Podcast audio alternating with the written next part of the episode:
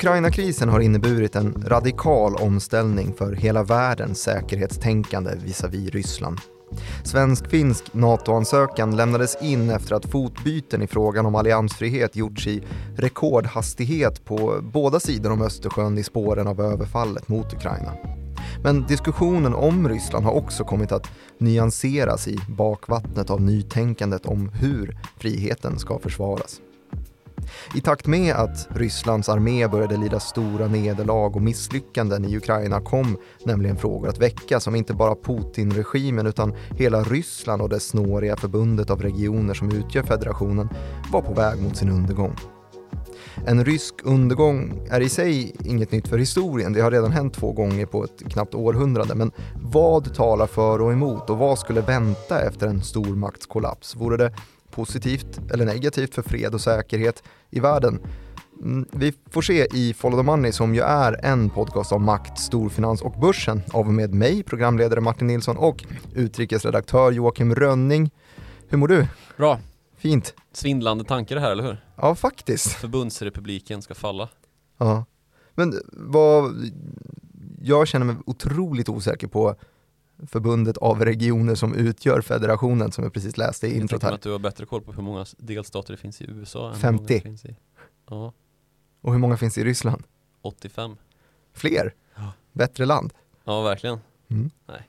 Men det är ju ett gigantiskt land uppdelat i 85 federala subjekt Till mm. skillnad mm. från i USA så kallar man det inte delstater mm. Man kallar det för federala subjekt istället för att det, det finns massa olika namn på de här um, regionerna då som man har använt som indelare i de små autonoma regionerna som vissa av dem till och med är, andra kallas för oblaster, andra kallas för kreis. Det är för sig exakt samma innebörd.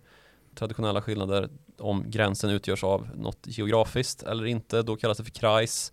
Annars kallas det för en oblast. Mm. Och så finns det autonoma och kruger som är autonoma distrikt med en uh, stor etnisk minoritet historiskt finns tre federala städer bestående av då de två största Moskva och Petersburg samt Sevastopol. Och så finns det en judisk autonom oblast också. Varför Men, är det här intressant? Det är det inte. Nej. Men för det vi ska prata om nu framförallt idag är att det finns också 22 stycken republiker som då har utgjort stater i staten kan man säga. Mm -hmm. Och de blir lite intressanta nu då när vi ska prata om en eventuell stundande rysk upplösning då och det ska man också säga att det här är ju någonting som finns i skolböckerna liksom. En, en, det finns en tanketradition kring det här med att Ryssland löses upp någon gång i framtiden. Just på grund av då att det är så stort, vidsträckt och att det finns etniska och kulturella skillnader inuti Ryssland. Det saknas lite grann en rysk idé i grund och botten. Men det är väl den som eh, Putin försöker befästa? Ja, Eh, det gör han. Och vi kommer in på det där lite grann. Vi har redan gjort ett jättelångt avsnitt om den liksom, kulturtraditionella, kulturidéhistoriska bakgrunden till varför eh, Putin tänker som han gör. Men vi ska komma tillbaka lite grann dit kanske och komma till en lite mer modern kontext vad det lider. Men eh, vi tar det här med republikerna först då. För det här är ju då som sagt 22 till antalet som är skapade i grund och botten som nationalstater för att liksom representera de folk som bor i de områden som inte har någon rysk etnisk bakgrund överhuvudtaget. Mm. Vi ser det i Kaukasus till exempel, många av de här republikerna. Och det här är då folkgrupper som fick makt som del av en kohandel med Vladimir Lenin 1917 när han eh, gjorde rysk revolution. Det blev inbördeskrig när tsaren avsattes, mördades och det var ju då de, de röda mot de vita, kommunisterna mot antikommunisterna kan man väl säga. Och kommunisterna vann och eh, när han då skulle ena landet så var det någon form av förhandling menar du? Nej, det var inför det här kriget så kände Lenin att det vore ju bra om jag hade lite folk med mig. Om jag kunde få lite truppleveranser och att vi kunde helt enkelt bara tala om för dem att om ni går på vår sida och vi vinner kriget då kommer ni få autonomitet. Mm. Så efter då att han hade vunnit kriget och republikerna då kom att ingå i det som blev Sovjetunionen så utropades det som kallas för ASSR, de autonoma socialistiska rådsrepublikerna, 22 till antalet som sagt. De hade då en högre autonomitet än vad många av de andra Oblasterna hade. Precis, de andra federala subjekten hade 85 till antalet. Så 22 republiker hade en, en hög grad av självbestämmande helt enkelt. Har vi något eh, exempel på eh, en av de här 22 republikerna? Ja, det som alla känner till är ju Tjetjenien. Mm. Sen så har vi ju en massa andra. Dagestan, eh, också Kaukasus. Det finns en republik som heter Altaj som ligger i centrala, södra Ryssland. Tatarstan, en annan sån. Ja, det kanske räcker. Vi behöver fler stanländer. Ja, verkligen. känslan.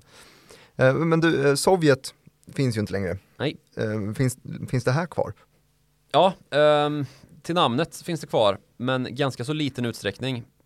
Det finns egentligen bara en kvar idag och anledningen till att det har blivit så är att sedan Sovjet upphörde så har den här maktfördelningen i Ryssland kommit att centraliseras duktigt. Mm. Och det är ju någonting som har retat upp naturligtvis. Och vi har ju sett en massa separatiströrelser ta form och göra sig kända i eh, framförallt Kaukasus och då är det ju Tjetjenien man kommer ihåg allra bäst med skolockupationen i Bessland till exempel och Vart på tapeten här på sistone också med Kadyrov och hans styrkor. ja precis men då är ju läget ett helt annat ju att då, då slåss ju tjetjenerna med Ryssland eller? Ja, Ja, dels. Um, Kadyrov då, det är han som styr i Tjetjenien. Och han styr i Tjetjenien mot bakgrund av att han är så mutad av Vladimir Putin. För Vladimir Putin har ju under sin tid vid makten kommit att ännu mer centralisera styret av Ryssland och frångå det här med republiker som har någon sorts autonomitet. Så man kan knappt säga liksom att Ryssland är en federation av stater längre. Det enda som är det är den som har skrikit allra högst och bråkat allra mest där det har varit krig i flera omgångar. Och då pratar vi ju Tjetjenien. Så det är idag den enda staten inom staten som är autonom. Där man har typ en egen utrikespolitik, man eh, tillåts stifta lagar på ett helt annat sätt än vad de andra gör och det gör man ju mot bakgrund av att Moskva vill ha lugn och ro och så skickar man ner bidrag som så försnillas av Kadyrov-klanen och hans hejdukar och det här är ju en riktig skurkstat. Riktiga rövarband som härjar i Kaukasus och Tjetjenien är ju kanske det bästa exemplet på det. Men flera av de här områdena intill är ju också ypperligt farliga. Dagestan till exempel. Där det är väldigt mycket klanmentalitet och närmast rebelllikt styre i vissa områden. så Sovjet faller ju, ja, 91 är det väl helt upplöst. Hur, varför kommer det sig att eh, Putin har centraliserat så pass? Ja, vi har pratat om det här förr med att Eh, Ryssland är så beroende av maktspråk när det kommer till att liksom hålla herravälde över det egna landet i det att det saknas ganska så stor utsträckning naturliga gränser i Ryssland. Det gäller inte bara mot Europa där det ju är liksom en stepp som går ut hela vägen till Polen som man blir ypperligt skör mot ett anfallskrig då att man kan anfallas ganska lätt. Det här gäller även inuti Ryssland. Det finns ju naturligtvis bergskedjor och det finns floder och, och dylikt då som liksom avgränsar och som skulle kunna vara naturliga gränspassager mellan olika regioner men de nyttjas inte alltid till det utan det, det är en ganska så administrativ indelning helt enkelt. Och det har ju blivit ett sätt att just styra landet då att man ser till att det finns en centralmakt som bestämmer istället då för att det ska vara en massa lokala aktörer som, som bestämmer och så blir det interna splittringar då i ett, i ett land, i en federation. Men du berättade att Tjetjenien är den som är fortsatt har kvar den här delen av autonomiteten. Mm, och det är ju också, kan man säga, i Kaukasus, det är ju en bergskedja som heter duga. Mm. Eh, och det kanske är anledningen till att det är just där som många av de här konflikterna är som allra mest distinkta då, att, att det är just i en, i en naturlig landgräns ändå. Men finns det några andra kvar som har tappat sin autonomitet som gärna skulle ha kvar den? Ja, alla i någon utsträckning. Men sen så har det ju också pågått en ganska så stark russifiering i allt detta. Så i många av både republikerna och de här andra autonoma subjekten som har skapats utifrån att det finns en minoritetsbefolkning där som ska ha någon sorts självbestämmande så är ju det en absolut minoritet idag som, som, som är av ursprungsbefolkning och det här ser vi ju liksom pågå fortfarande att man försöker russifiera de här områdena i den data som går att hitta från Ukraina då, eller från Ukraina om Ukraina, vilka ryssar det är som skickas dit och, och vilka det är som har en övertalighet i att mista livet. Det är ju folk från sådana här ställen där ja, det, det är en eh, medveten strategi för att russifiera. Ja, och sen så kan man väl, man vet inte om man ska kalla det för en medveten strategi, det är i alla fall en konsekvens av det när man gör sådana här ingrepp då i ett land att man ska försöka styra med hjälp av då att uh, centralisera makt helt enkelt och ta makten från de lokalt bofasta och istället ja, låta Moskva ha mest att säga till om och det gäller ju inte bara för politiken utan också för ekonomin. Alltså det finns ju ett ekonomiskt sönderfall i Ryssland som är helt enormt ju. Där det skiljer sig i levnadsstandard något oerhört mellan de här olika regionerna. Hur har det förändrats under tiden från Sovjets fall till nu? Ja men alltså istället för att det liksom har blivit då en, en ska man säga, lokal ekonomisk förankring där man kan ha blomstrande samhällen där det finns gott om råvaror eller en stark kultur av, vad ska man säga, intelligentia eller så här så finns det ju idag enbart ett enda välnärt väderstreck i Ryssland och det är ju det västliga, det som vetter mot Europa. Och visst att det skedde en, en marknadsekonomifiering av Ryssland efter Sovjets fall, eller vad man ska kalla det, alltså att det blev marknadsekonomi i Ryssland så har ju den skett på ett väldigt ojämnt sätt. Alltså det är en skev fördelning mellan de här olika geografiska områdena och det har ju gjort att vissa områden har blivit extremt isolerade och då är det ju, ju längre österut du kommer desto mer isolerat är det ju. Om vi pratar då Sibirien så är ju det, det kanske bästa exemplet men vi har även norra Kaukasus som är otillgängligt och sen så har vi den mest livskraftiga och välnärda befolkningen kring Moskva alltså det europeiska sydvästra Ryssland och det här gäller ju inte som sagt bara när det gäller ekonomiska förutsättningar att Sibirien plundras på tillgångar utan att gynna lokalsamhällen där utan istället då tillfaller folk hundratals mil bort i, i det här enorma landet. För om man frågar sig då vad är liksom anledningen eller hur går det till då att man får den här skeva förskjutningen så är ju svaret att det finns ett kommunikationsglapp i samhället och då framförallt infrastrukturellt. Inte bara det att man kanske utrustar landsbygden med sämre skolgång och svagare servicesystem utan det är ju det största servicesystemet som finns är ju vägnät till exempel. Eh, telekominfrastruktur och sånt.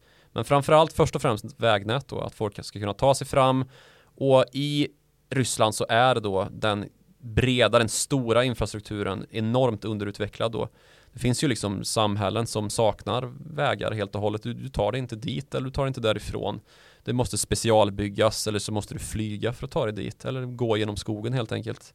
Men jag vet att du pratade någon gång om Norilsk Nickel, den här gigantiska företaget som mm, världens har, största nickelproducent. Som har sin bas då eh, på, på ett så otillgängligt ställe att man när man startar upp staden så bygger man också sitt eget elnät, man bygger sin mm. egen, eh, sitt eget kärnkraftverk för att kunna eh, se till att den här fabriken fungerar och så trycker man dit arbetskraft för att få det att fungera överhuvudtaget. Mm. Och att det då låg helt bortkopplat från övriga Ryssland. Det är ju anmärkningsvärt då att man kan ha ett så stort företag utan att det i övrigt är tillkopplat till resten av ekonomin.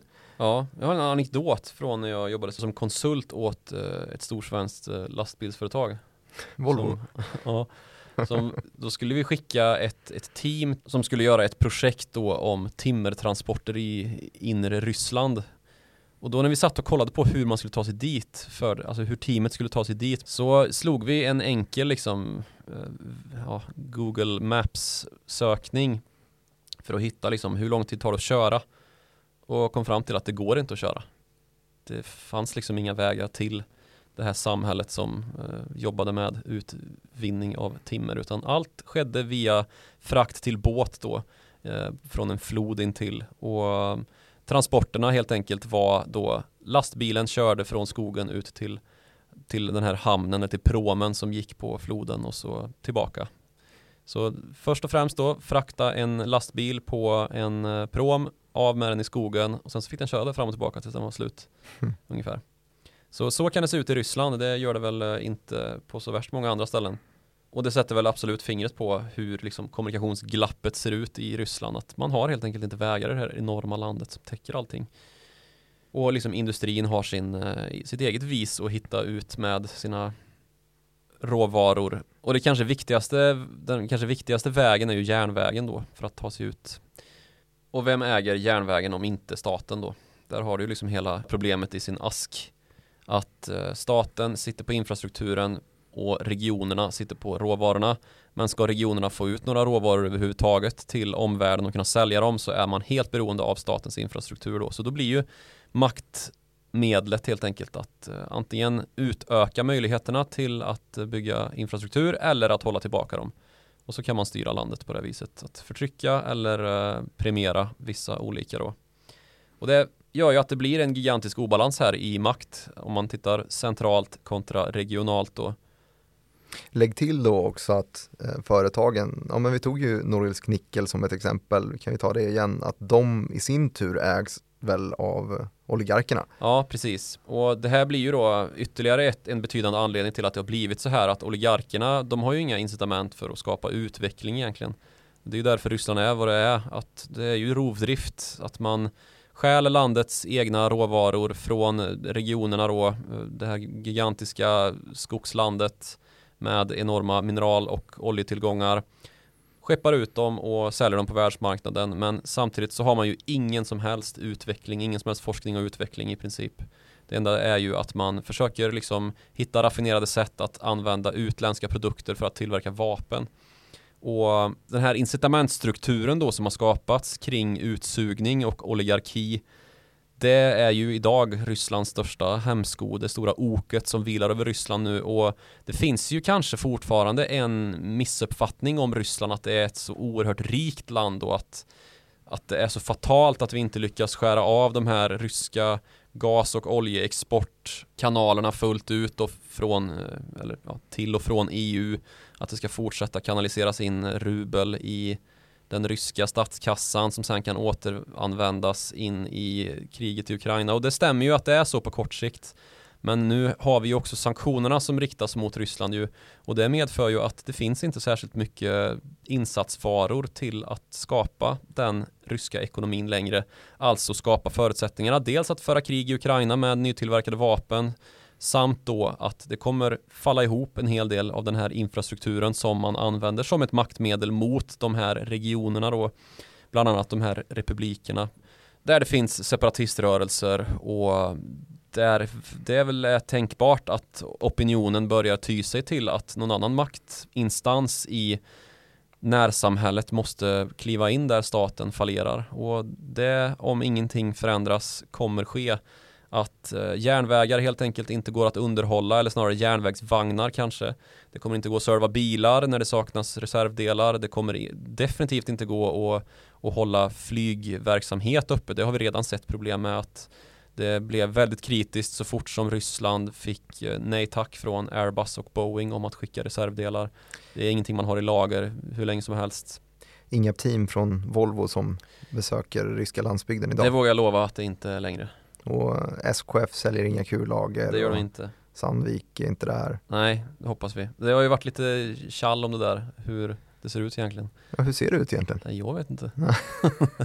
det skickas, det kanske skickats lite ja, i lönndom från Ingen nämnd, ingen glömd. Eh, Sandvik ska inte ha någon större släng av sleven än någon annan men det är ju sånt här som naturligtvis granskas och det finns ju listor från olika universitet som försöker liksom hitta vilka bolag det är som fortfarande liksom skor sig på ryska pengar eller ryska, den ryska marknaden trots då det här som har uh, skett i Ukraina. Men de här autonoma regionerna eller semi-autonoma regionerna som senare blev allt mindre autonoma, jag mm. misstänker att de har hållits i schack i, med hjälp av oligarkin, att det har funnits starka ledare som eh, driver företagen på respektive ort och lyckas hålla kontakten med resten av staten och den här ganska centraliserade ekonomin vilket har gjort att även lokalekonomin har fungerat. Men mm, säger vi nu att det börjar fallera så Det har ju aldrig fungerat det är ju en grav missuppfattning alltså att, att Ryssland har fungerat. Och att det skulle vara liksom att de här oligarkerna har varit någon sorts common heroes liksom, det stämmer inte. Oligarkerna bor ju utomlands, det är ju helt uppenbart så att de liksom alla andra sätter friheten främst. Och visst att de har sina intäkter från rysk rovdrift liksom, men de bor ju i Londongrad eller i av Anatolij Chubais som han heter, den grundaren av eh, oligarkin under, vad hette han som var efterträdaren till Gorbatjov i övergångsregeringen där, så var det han som var mannen bakom chockterapin då som skulle göra Ryssland till en marknadsekonomi och det slutade med att det blev den här rövarekonomin istället där oligarkerna började ja, mer eller mindre stjäla landet ifrån medborgarna och staten också för den delen. Innan då Vladimir Putin kom till makten och ja, gjorde på sitt sätt, alltså skapade ett strukturvälde där han själv är den högsta oligarken som helt enkelt tillåter det här att pågå men i utbyte då så ska han ha en absolut tystnad vad det gäller politik. Att ingen får säga någonting om politik så kan de få fortsätta att röva ut eh, alla tillgångar ur landet och därmed liksom kanalisera bort alla pengar som kan gå till välfärd eh, i utlandet och i skatteparadis. Men Anatoly Chubais då som han heter som, som är liksom grundaren till det här han eh, flydde till Turkiet här för ett tag sedan sa upp sig från från Putin-regimen. Lämna in ansökan, uppsägningsansökan. Tack för nu. Nej, men eh, det är ju flera som har gjort det vad det gäller liksom höga myndighetspersoner, bland annat centralbankschefen, vad heter hon? Elvira. Mm. Elvira Na Nabiulina, tror jag. Elvira Nabiulina, ja. Eh, hon ville ju avgå efter invasionen, men eh, fick inte. Oh. Hon var för bra på sitt jobb. Så Putin behövde henne vid sin sida. Så skickade hon upp räntan till 20% och så Stack hon. sig återhämta sig Ruben och hon är kvar. Mm. Kör på. Men eh, Anatoly Chubay som sagt, han är väck. Han har flytt till Turkiet. Och det är många som flyr nu i det där skrået oligarker. Varför då? Ja, för att det är väl inte så kul att vara i Ryssland längre. Och jag tycker att det vore intressant då om man skulle kunna säga att det började med Anatoly Chubais, alltså slutade med honom också. För det, man skulle kunna hävda då att det är så här det alltid går, att friheten är vinnaren mot slaveriet om folk får välja själva.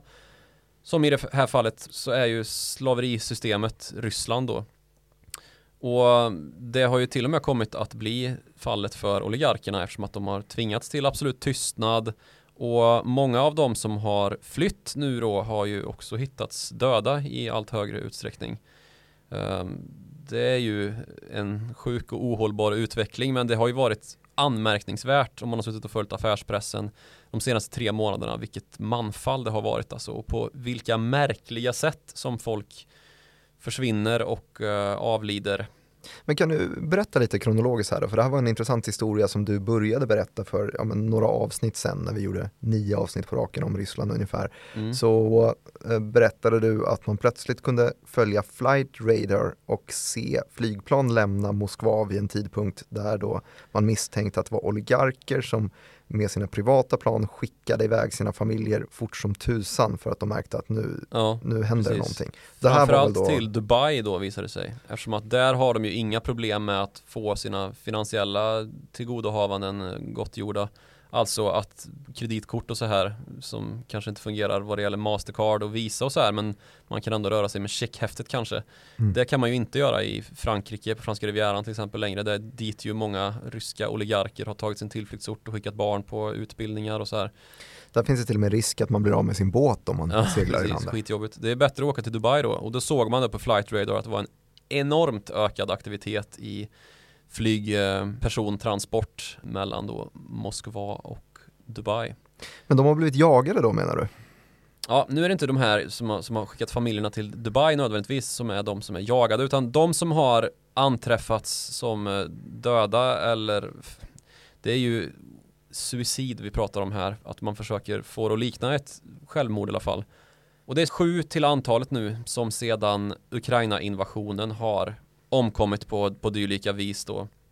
Och många av dem är olje och gasbolagshöjdare. tillhörande bolag som Gazprom och Novatech då. Gazprom är ju det stora gasbolaget och Novatech är ett av de andra som är ja, bra mycket mindre men ändå väldigt stort på en global nivå då. Bland annat så har en vice vd i Gazprom hittats död och en vice ordförande i Novatech. Och det här rör sig om så kallade på engelskspråkig terminologi murder suicide. Alltså det är att begå självmord efter att man har mördat någon annan. De mest anmärkningsvärda av dessa då är Sergej Protosenja som var vice ordförande i Novatech och Vladislav Avajev som var vice vd på Gazprom. 18 och 19 april så hittas de här två då döda på väldigt liknande vis men i olika delar av världen. Den ena i Spanien, i Katalonien, inte en bit ifrån eh, Barcelona där han har ett eh, sommarhus. Och den andra i Ryssland. Och det här är då två stycken incidenter som har ägt rum 24 timmar efter varandra.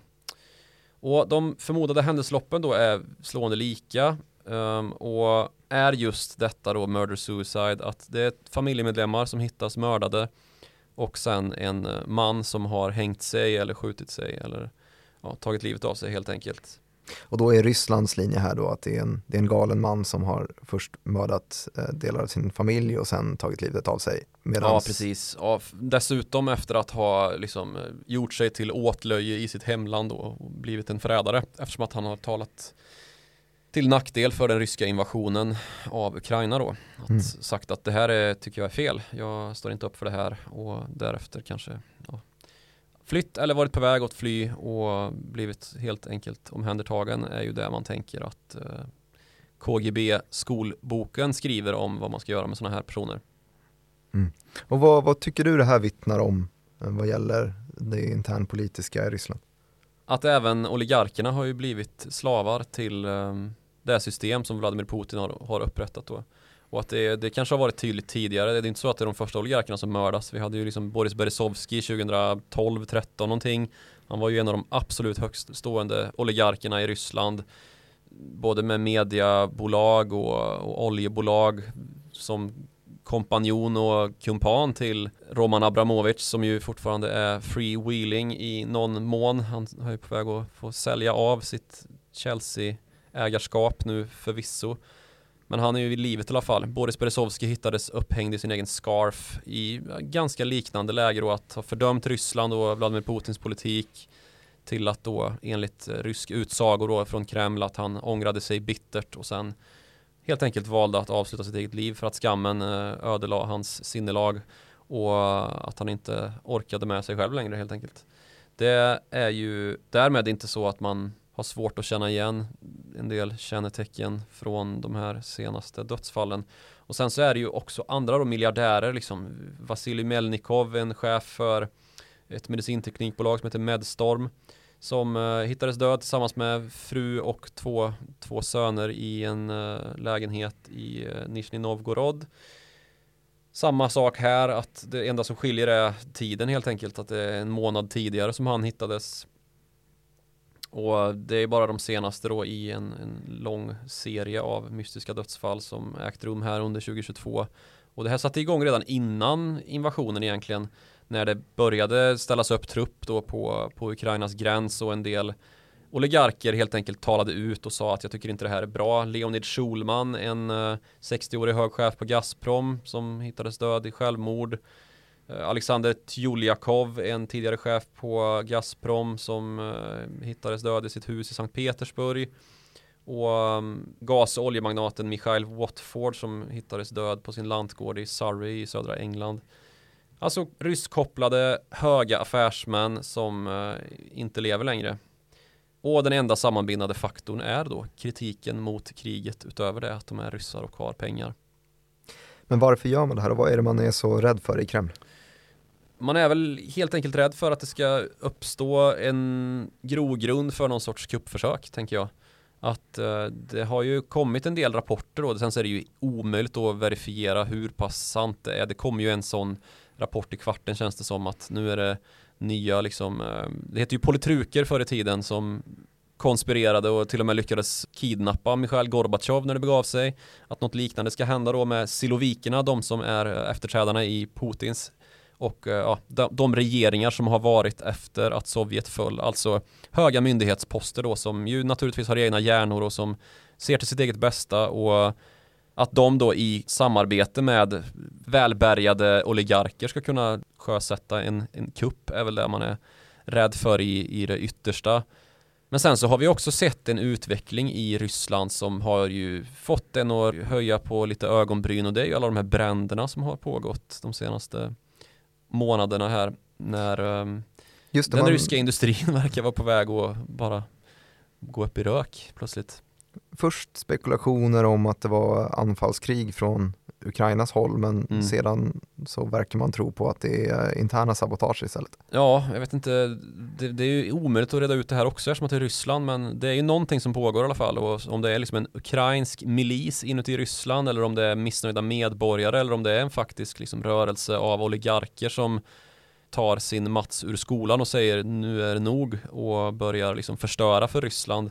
Det eh, ska man väl låta vara osagt liksom. men det är ju någonting som pyr i alla fall. Och ja, inte bara pyr i de bränder som finns utan också som gör att, att det finns eh, en oro i det här systemet som, som nu tar sig till uttryck ytterligare då. Det har nog aldrig varit en så här hög takt i avdagatagandet av oligarker som det är just nu, även om det är ju någonting som har skett löpande. Som sagt, Boris Berezovski, det var ju för tio år sedan och han var en av de absolut största oligarkerna. Så det är inget nytt, men aktiviteten har definitivt ökat de senaste månaderna här. Mm, fruktansvärt effektiva på att radera ut opposition i alla fall. Mm, kan man säga. Finns det något eh, reellt existentiellt hot för, för Ryssland tycker du? Ja, man kan väl koppla det lite grann till Ukraina då, för Ukraina har ju av flera liksom politiska doktrinskapare utsetts till att vara den avgörande faktorn i om Ryssland ska vara att betrakta som ett imperium eller inte. Och då har vi ju bland annat en eh, före detta amerikansk säkerhetsrådgivare som heter Zbigniew Brzezinski och han är då polack i grund och botten, eller han är amerikan men han har polskt påbrå och han var som sagt eh, säkerhetsrådgivare under Jimmy Carter-eran så på 70-80-talet. Mm. Han skrev en bok som heter The Grand Chessboard där han då försökte definiera den amerikanska geopolitiska linjen och hur man skulle behålla så mycket makt som möjligt då utan att låta Sovjet och sedermera Ryssland då eh, få härja med sina kommunist och skurkfasoner. Och hans absoluta uppfattning var att utan Ukraina så upphör Ryssland som imperie. Det är alltså hans grundidé då. Och tyvärr så är ju det här någonting som ryska politiska filosofer av idag också har tagit fasta på. Varför då? Ja, i grund och botten så, så kan man ju lyssna på ett tidigare avsnitt som vi gjort. Du menar att jag borde ha kommit ihåg det? Ja, avsnitt 101. Mm. um, där vi pratar om, om just uh, filosofer och kulturhistorien bakom då, filosofer och författare. Men sen så finns det ju också då idag om man ska dra fram klockan lite grann och hoppa över det avsnittet. Det behöver inte ni som lyssnar göra, men uh, vi har ju hört det. Jag slipper. Det vet jag inte om du gör för det verkar inte som att du har hört det. Uh, men i alla fall, Idag så finns det en demagog i Ryssland som heter Alexander Dugin som eh, enligt mångas utsago, framförallt hans egen, men även det finns ganska gott fog för att säga att han är en av de som pratar allra närmast Vladimir Putins öra. Han vilar också i den här uppfattningen då om att Ukraina måste Ryssland ha kontroll över, för Ukraina är ju i mångt och mycket ursprungsryssland, alltså Kievriket, själva fundamentet för det som är Ryssland idag och de civilisationer uppstod som sedermera kom att fläta samman i det som kom att bli en ryskhet liksom. Så det är alldeles för nära förknippat med moderlandet för att man ska kunna släppa maktinflytandet över Ukraina.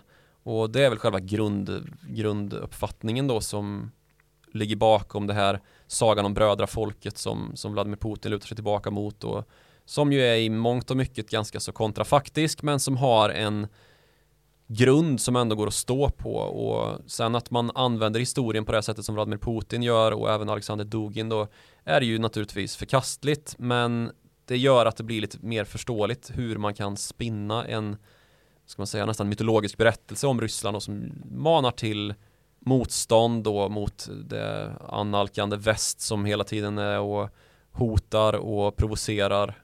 Så att det blir liksom ett omvänt narrativ då mot hur det kanske egentligen är. Så det ligger någonting bakom de här bilderna som har cirkulerat sedan krigets utbrott. Vi har två stycken bilder, eh, en som föreställer Kiev typ 900 efter Kristus och en som föreställer Moskva 900 efter Kristus. Och på den ena bilden så är det vackra byggnader och på den andra bilden så visar de Moskva och det är bara en massa träd. Ja, det stämmer. Det, Kievriket var först. Och sen så det har varit liksom en flytande gränslinje här emellan. Vad var, var liksom, vad var störst och starkast? Var det samma sak? Var det två separata?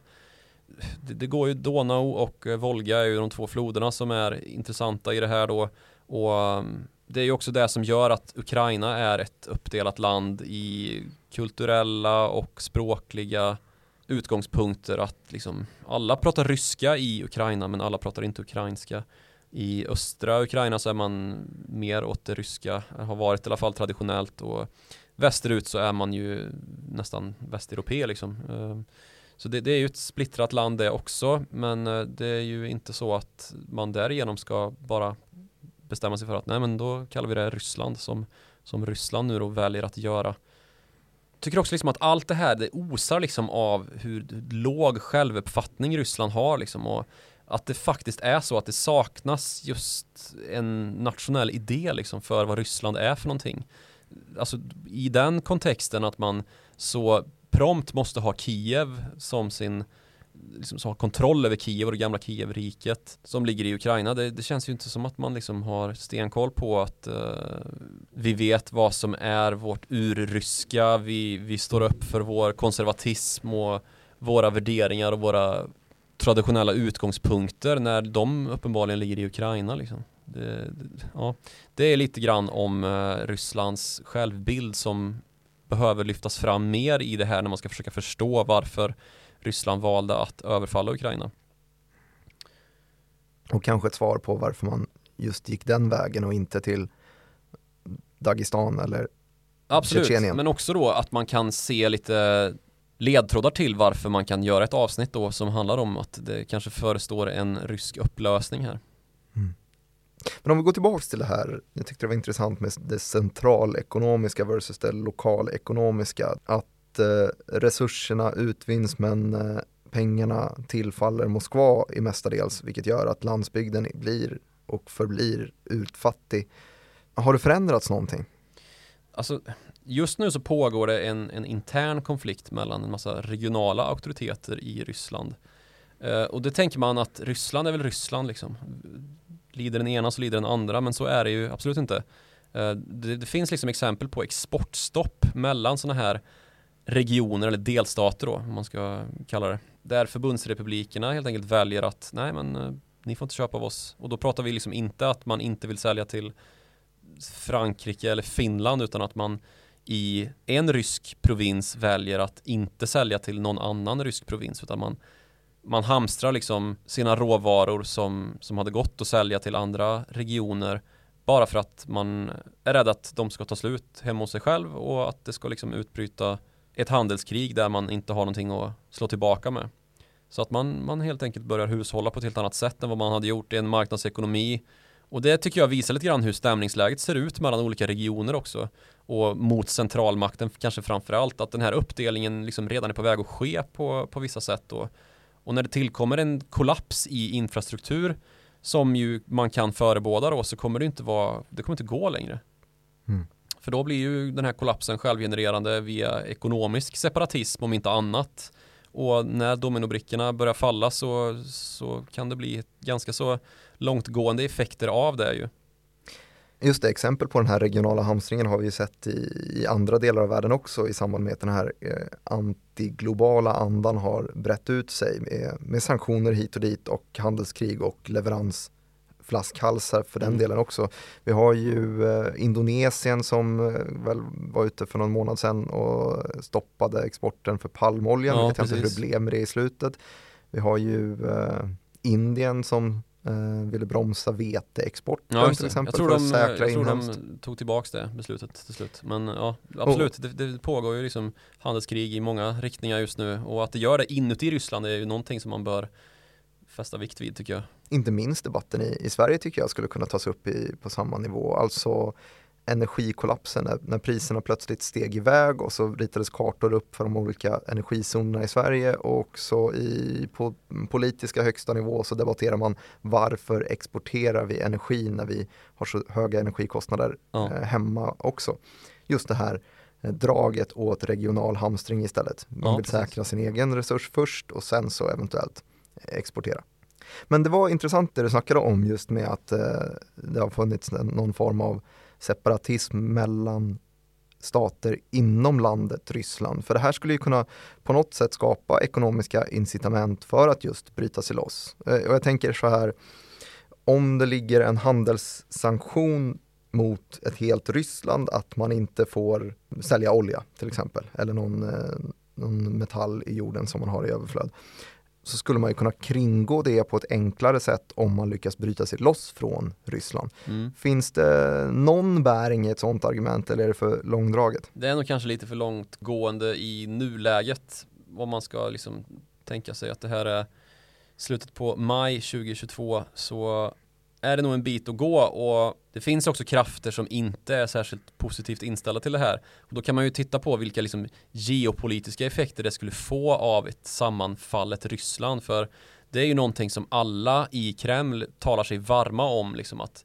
vänta nu väst, vad, vad håller ni på med? Vill ni verkligen att Ryssland ska falla? Vet ni vad det kommer innebära?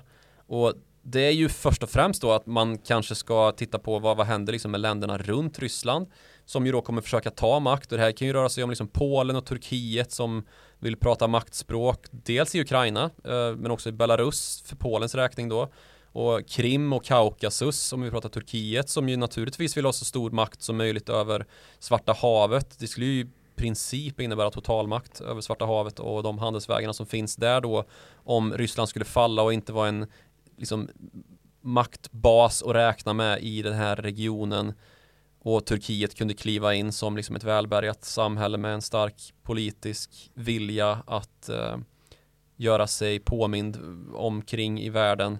Och det här dominospelet skulle ju sen kunna gå vidare liksom till de konflikthärjade regionerna i Kaukasus som vi redan har nämnt, att de hamnar i ett nytt läge. Och då har vi inte ens gått in på Georgien till exempel, som förmodligen skulle återta makten över Sydossetien och Abkhazien som ju är ryskstöttade separatistzoner. Turkiet som sagt skulle förmodligen hjälpa till i Azerbajdzjan för att Azerbajdzjan ska kunna återta Nagorno-Karabach från Armenien där det nu liksom freden hålls med hjälp av ryska fredsbevarande trupper som får allt svårare att göra sitt jobb som det är när det ser ut som det gör i Ukraina och det behövs folk där och det, om det skulle liksom lyckas fullt ut att, att Azerbajdzjan tar Nagorno-Karabach, då skulle det ut, utöka det turkiska inflytandet, för Azerbajdzjan är ju ett turkfolk. Det skulle liksom leda till att Turkiet har makten hela vägen till Kaspiska havet, som är en annan väldigt viktig handelsväg i den här regionen. Och då stöter vi också på problemet med Kaspiska havet just där Iran ju knappast vill ha några turkar i maktposition. Så det här, det, där ser vi bara lite grann av hur de här dominobrickorna kan falla ut och skapa en oordning i världen som vi inte har i nuläget ens i närheten av. Och när vi har kommit så långt österut så är det ju också liksom inte så långt kvar till Kazakstan och Mongoliet, stora klämstater som liksom hamnar mellan ryskt och, och kinesiskt inflytande när Sovjet föll. Och vi får ju dessutom en liksom nydanad situation i Arktis ju, eftersom att hela Rysslands kust vetter mot Arktis och det är ju länder som USA, Kina, de nordiska länderna, vi inte minst. Kina vill vara med i Arktiska rådet ja. Jajamän, mm. de eh, har stora arktiska intressen trots att de ligger vid ekvatorn typ. Eller närmare ekvatorn i alla fall. Men om vi då har liksom det som den, den, internationella spelplanen, det globala fältet och vad det skulle kunna utlösa på kort sikt så, så har vi också liksom de här 85 subjekten som ska liksom bli till ett stort kaos. 85 stycken små regioner som ska dra åt olika håll och tvista och bestämma sig för vilka ska ingå för förbundsrepublik, vilka vill vara helt egna. Hur ska de respektive relationerna se ut? Och det här är ju någonting som kommer dikteras med hjälp av vapen i många fall ju. Och då är, ska man veta, Ryssland världens näst största kärnvapenmakt. Så i Ryssland så finns det ju stridsspetsar att gödsla med liksom. Och om krigsherrar då ska ha tillgång till kärnvapen, då ser man ju kanske direkt problemet vilken enorm internationell insats som skulle krävas för att ja, denuklifiera Ryssland, alltså avväpna Ryssland från alla kärnstridsspetsar så att inte de hamnar i händerna på ja, typ Ramzan Kadyrov, alltså Tjetjeniens korrupte och mutade president. Och plötsligt så står man ju i en frågeställning där man undrar ett enat Ryssland eller ett splittrat Ryssland, vad är farligast egentligen? Mm. Jag förstår vad du vill komma. En, eh, en rysk vår eller, eller höst eller vilken säsong det än kan vara eh, vore kanske inte att föredra. Nej, inget av det. För de här krigsherrarna med kärnvapen, det är ju liksom en mardrömssituation som man lätt kan se uppstå då. Givet hur stort Ryssland är och hur många som faktiskt kommer kunna ha tillgång till nukleära stridsmedel och att ja, det här är ju kanske inte folk man ska lita på överlag. Ramzan Kadyrov och hans eh, tjetjener när man ser hur de härjar i Ukraina och det är ju liksom inte det är ingen stor skillnad mot eh, hur, hur liksom Islamiska staten betedde sig så som eh, Tjetjenien gör nu med de strider som pågår där. Så risken är ju att ett svagt Ryssland är lika farligt, eller farligare till och med, som ett starkt Ryssland. Så det, det är ju ett eh, duktigt, självmotsägande och eh, orimligt hur man än vrider och vänder på det. Det finns ju inget liksom glädjescenario här riktigt. Eh, att Putin bara ska bli demokrat och ge upp Ukraina och börja chilla lite. Mm. Men du, vi har snackat ganska spekulativt och framåtblickande Eh, hittills i det här avsnittet ju. Mm. Eh, även om vi har börjat på något sätt i en historisk kontext som vi ofta gör. Eh, om man skulle måla ut det här på en tidslinje, går det att prata någonting om när i tiden? Det ska bli en rysk upplösning. Ja, alltså det, det man kan väl titta bakåt då. Som sagt så har vi haft två stycken upplösningar redan under 1900-talet ju. Mm. 1917 och 1991-92 där. Och de föregicks ju av krig först och främst. Det här är ju någonting som känns igen. Först då att, att Nikolaj den andre till exempel då, tsaren, han gick ju på pumpen i först japansk-ryska kriget 1905. Jag kommer vi ihåg från Anastasia-filmen.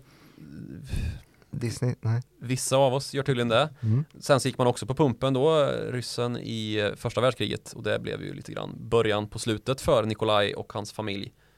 Anastasia, hon var ju hans dotter. Var det, är det samma eller? Ja men det handlar väl om den här ryska revolutionen. Jaha, och vadå, får man hänga med ner i källaren när de blir skjutna också eller? Uh, Makabert av Disney i så fall. Ja, nej men det, det, tror jag inte. Det var ganska, vet jag, jag vet jag, jag har inte sett den. Man kanske får Jag läste om den på Mimersbrunn, en liten sammanfattning. Ja, ni fick recensera Disney-filmer på Täby gymnasium alltså? Danderyds, ja. Okej, det här kommer jag inte klippa bort. Fan då. Ja, nej men eh, sen så Sovjet då. Vad var kollapsen där? Ja, men det var ju Afghanistan dels. Man gick in i Afghanistan 1979, fick dra därifrån 1989 med svans mellan ben. Mm. 15 000 soldater hade omkommit. Och det är i underkant så många som har dött i Ukraina just nu. Sådana här källor har jag också, man, det dyker ju upp ja. från, från ukrainsk media hur många det är som har dött. Och sen så Inte dyker bara upp. alltså. Vad, vad, är, är det 15 000 plus? Det kan man nog säkerställa att det är. Till och med brittisk underrättelsetjänst som ju är eliten av underrättelsetjänst. Det är de som uppfann underrättelsetjänstverksamhet, spionage -huh. och så vidare. De hävdar ju att det är ja, så pass. Så att det en liten sammanställning av, en liten metastudie över den data som finns så är det där, däromkring. Mm. Sen så ukrainska källor uppger ju att det är typ det dubbla nu. Mm. Um, ja. Men i alla fall, det, man ska få vara noga med hur många som har dött och hur många, som har, hur många förlusterna är också, för det är ju skillnad. Förlust är ju liksom satt ur spel bara, behöver inte vara stupad. Men i alla fall, eh, Sovjetkollapsen kom ju 91 då, så två år efter att Afghanistankriget var över. Och då kan man ju också lägga till att det var ju lite andra kall på linan där för den sovjetiska ledningen i det att man fick en uh, nukleär kollaps i Tjernobyl några år tidigare och järnridå som föll. Det var ju kämpigt överlag. Mm. Men 91-92 då så var det sagan all. Så några år efter att ett krig tar slut låter väl som en rimlig och om man ska backa bak bandet till den första kollapsen under de senaste hundra drygt åren nu då så, så är ju det efter första världskriget och det tog ju slut 1918 men Ryssland drog sig ur 1917 och det är samtidigt som precis, Lenin klev in. Skete sig för Nikolaj. Mm. Så att vi kan säga att i alla fall det är stora krig och kriser som har föranlett en, en kollaps och det är väl inte så ovanligt. Nej, men så här kan man väl säga då, håll utkik om Ryssland drar sig tillbaka från Ukraina. Det mm. behöver man inte säga att det är nära förestående men eh, då kan det nog vara skört för Putin och hans gäng. För det, och det går ju inte särskilt bra i Ukraina ska man ju vara noggrann med att säga. Det är inte så att de inte har framgångar men de är ju väldigt stegvisa och sköra de framgångar man har och det är ju en, det är ju en riktig kalkon den här invasionen. Mm. De fick dra tillbaks från Kiev och ja, det är ju, börjar ju också komma ut nu på i rysk media att en och annan försvarsanalytiker ges plats i statlig tv och får liksom brodera ut om att det här har inte gått bra och hela världen är emot oss. Visst, Kina har inte valt sida 100% men det är ju ingen som tycker om oss. Det här går inget bra. Mm. Och det är ju frågan varför man gör så, om det är liksom för att förbereda befolkningen på att det här är på väg att gå åt fanders och att man letar en exit eller vad det är, är fråga om egentligen. Men jag läste i alla fall en uh, artikel som skrivits av Izborskyklubben som är en konservativ rysk tankesmedja. De hävdar då att en kollaps kommer ske från en nednötning i det ryska samhället, antingen socioekonomisk ojämlikhet, etniska relationsproblem inom landet eller att eliten i landet alienerar sig från folket Eventuellt också då så finns det en annan förklaring som är att den kreativa klassen, alltså de som har en hög utbildning och typ jobbar på kontor, att de ska bilda opposition och att det ska skapa splittring på den nivån att det till slut blir en uh, kollaps av den ryska federationen.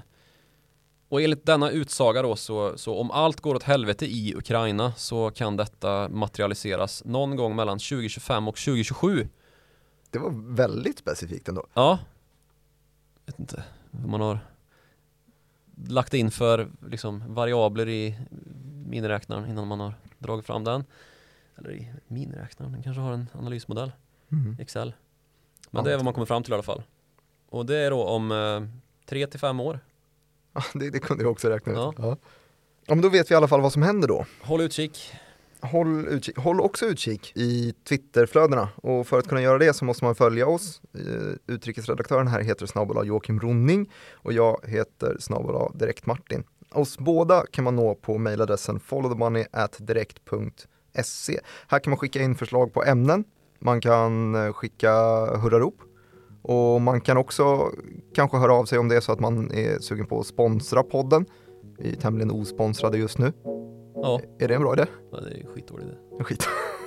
man kan i alla fall skriva precis vad man vill till followthemoney.direkt.se. Vi hörs igen om en vecka.